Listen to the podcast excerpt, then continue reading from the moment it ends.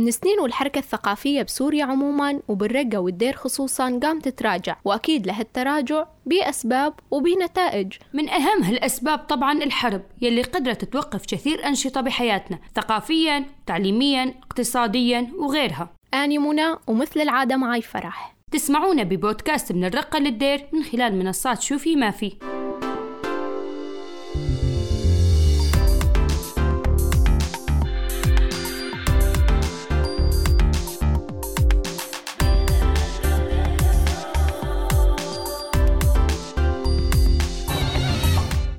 بشكل عام كانت مناطقنا مهملة حتى على صعيد تطوير العوامل الثقافية وأغلب الأعمال والنشاطات لتحسين الواقع كان جهود شخصية من أهل البلد ومثقفينها. الشعر الشعبي والقصة القصيرة من أشهر النتاج الثقافي بالمنطقة وتطورت بشكل كبير مرحلة من المراحل. أما اليوم بمحاولات خجولة وبسيطة لإعادة إحيائها من جديد. كل العالم تقريبا بصورة نمطية مأخوذة عن جيل الشباب بأنه جيل ما يحب يتثقف وبعيد كل البعد عن الكتابة والقراءة بسبب توجهه أكثر لعالم الأنترنت. شقد يا ترى هالصورة تعبر عن الواقع بمناطقنا؟ رح نسمع من شباب وصبايا الرقة عن علاقتهم بالثقافة وشنو رأيهم بدور لجنة الثقافة بالرقة.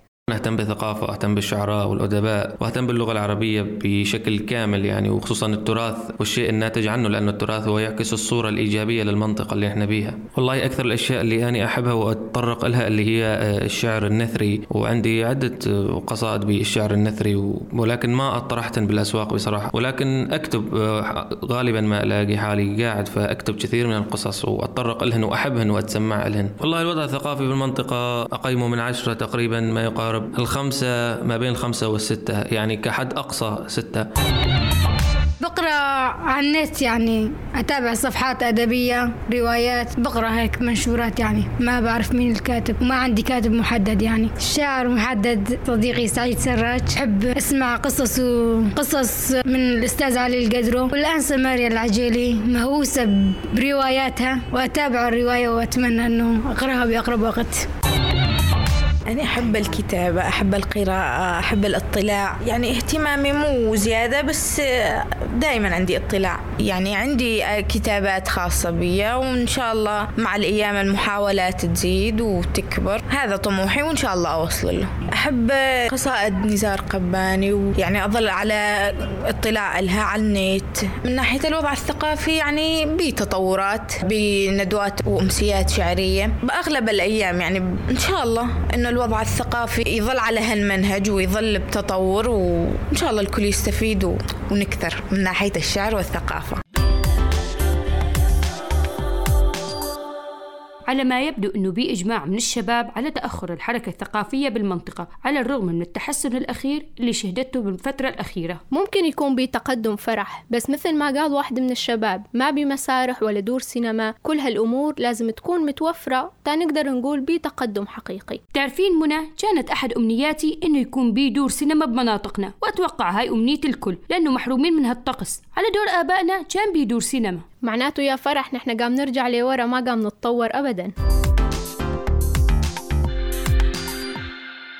بنيسان 2018 تأسست لجنة الثقافة والآثار بالرقة وباشرت عملها بعد شهر واحد نظرا للحاجة الماسة لإعادة إحياء الطابع الثقافي والحفاظ على إرث الرقة وثقافتها. اشتغلت اللجنة على عدة نشاطات وفعاليات نظمت معارض فنية وعادت افتتاح المركز الثقافي بعد ما تضرر بالقصف. شواخ علي العلي موظف بالمركز الثقافي بالرقة حكالنا عن دور المركز بتطوير الجانب الثقافي بالمدينة وأهم المشاريع المنجزة. خلونا نسمع منه أكثر. الثقافة بالمنطقة تراجعت نسبيا على أثر الحرب والدمار والنزوح فقدنا قامات ثقافية كبيرة بعد الحرب. نحاول حاليا إعادة ترميم ما فقدناه بالبحث عن خبرات ثقافية بالمجال المسرحي والغناء والفن والأدب والشعر وهذا دورنا الأساسي. يعني المنطقة كجغرافيا محدودة ونشاطها محدود إحنا محاصرين تقريبا آه، غرب الفرات لا نستطيع أن نمارس نشاط بشكل حقيقي. فما كان عندي فكرة واضحة عن النشاط الثقافي قبل ما أتوظف. صراحة ما كنت أتوقع بهالحجم أنا آه، بجوز ما كنت رضيان نسبيا عن مستوى الثقافة بس هلا حسيت أنه في نشاط وفي إبداعات وفي عمل يقدم للمواطنين. بتطوير المفهوم الثقافي بشكل عام يعني. الخطوات بالأول نرصد آه، الحالة الموجودة مثلا موهبة فنية بالأدب بالشعر بالموسيقى بالخطابة بالمسرح. نتأكد أنه هاي الموهبة موجودة. نشتغل على أساسها نطرحها كوضع أكاديمي يعني من خلال المدربين. بالممارسة تتطور الحالة ويصير فنان مبدع بالمجال اللي اخترناه له. عرضنا عدة عروض مسرحية منها على خشبة مسرح الرقة خارج المدينة بالطبقة بكوباني بقامشلو برميلان.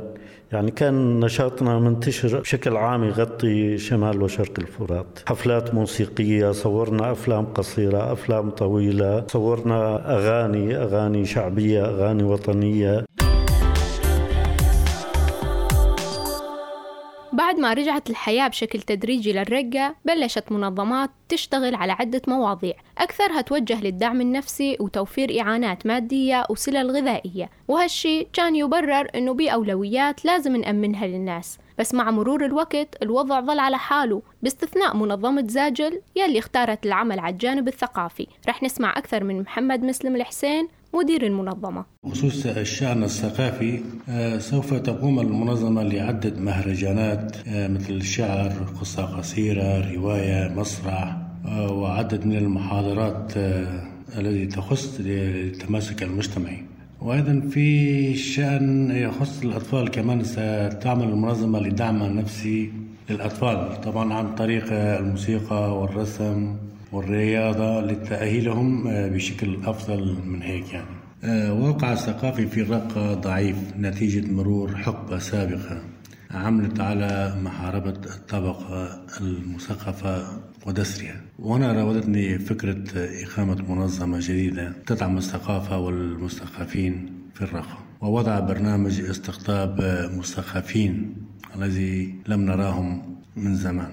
ما يترقى من خلال إقامة مهرجانات وندوات ومحاضرات وبذلك نكون عدنا بالوضع الثقافي إلى عهده السابق آه، الذي فقدناه منذ منذ فترة زمنية. نتأمل نعمل ونرتب البيت الداخلي من نخب المثقفة والهاويين الموسيقيين إلى وضعهم الطبيعي الذي المدينة عانى كثير من أزمات وتدمير وحروب وصار فعلا يعني انفكاك العقد الاجتماعي للمنطقة فنحب نعيد الهيكلية بالنخبة المثقفة لعملها الطبيعي.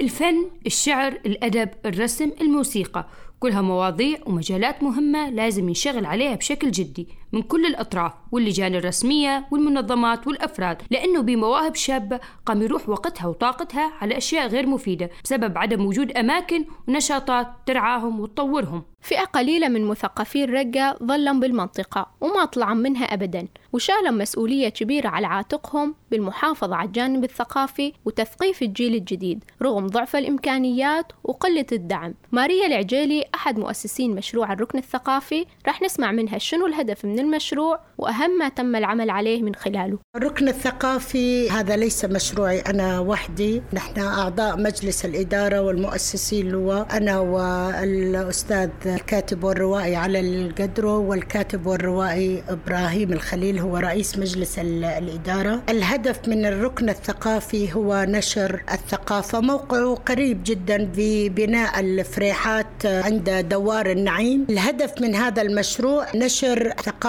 يوجد لدينا مبادرة قدر المستطاع راح آه، نتركها مستمرة بشكل مستمر. يعني اقرأ مئة صفحة توجد لدينا مكتبة آه، خذ كتاب واقرأ مئة صفحة وضيافتك علينا. نشجع للشباب والصبايا على العودة إلى قراءة الكتاب وملامسة الورق.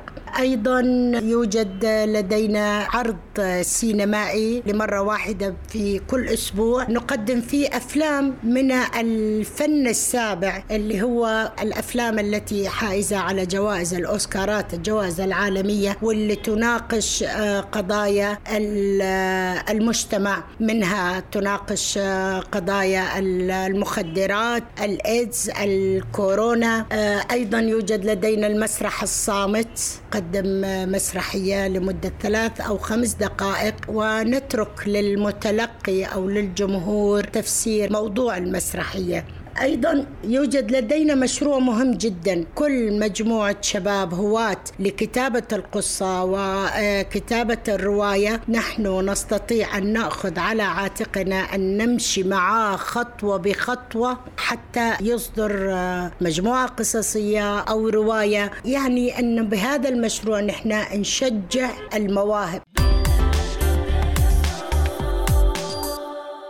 الغريب يا منى إنه مثل هيك مشاريع مهمة قامت تكون على نفقة شخصية من المؤسسين. الدعم المادي كثير ممكن يطور بالمشروع تا يوصل لأكبر عدد من الناس ويستفادون منه الشباب قدر الإمكان. بصراحة فرح أني ما توقعت يكون بي حدا قام يشتغل على مشروع ثقافي بهالمستوى. يعني عروض سينما ومسرح ندوات أدبية وشعرية تشجيع على الكتابة والقراءة والنشر وكل هذا جهود فردية وحتى بدون تغطية إعلامية.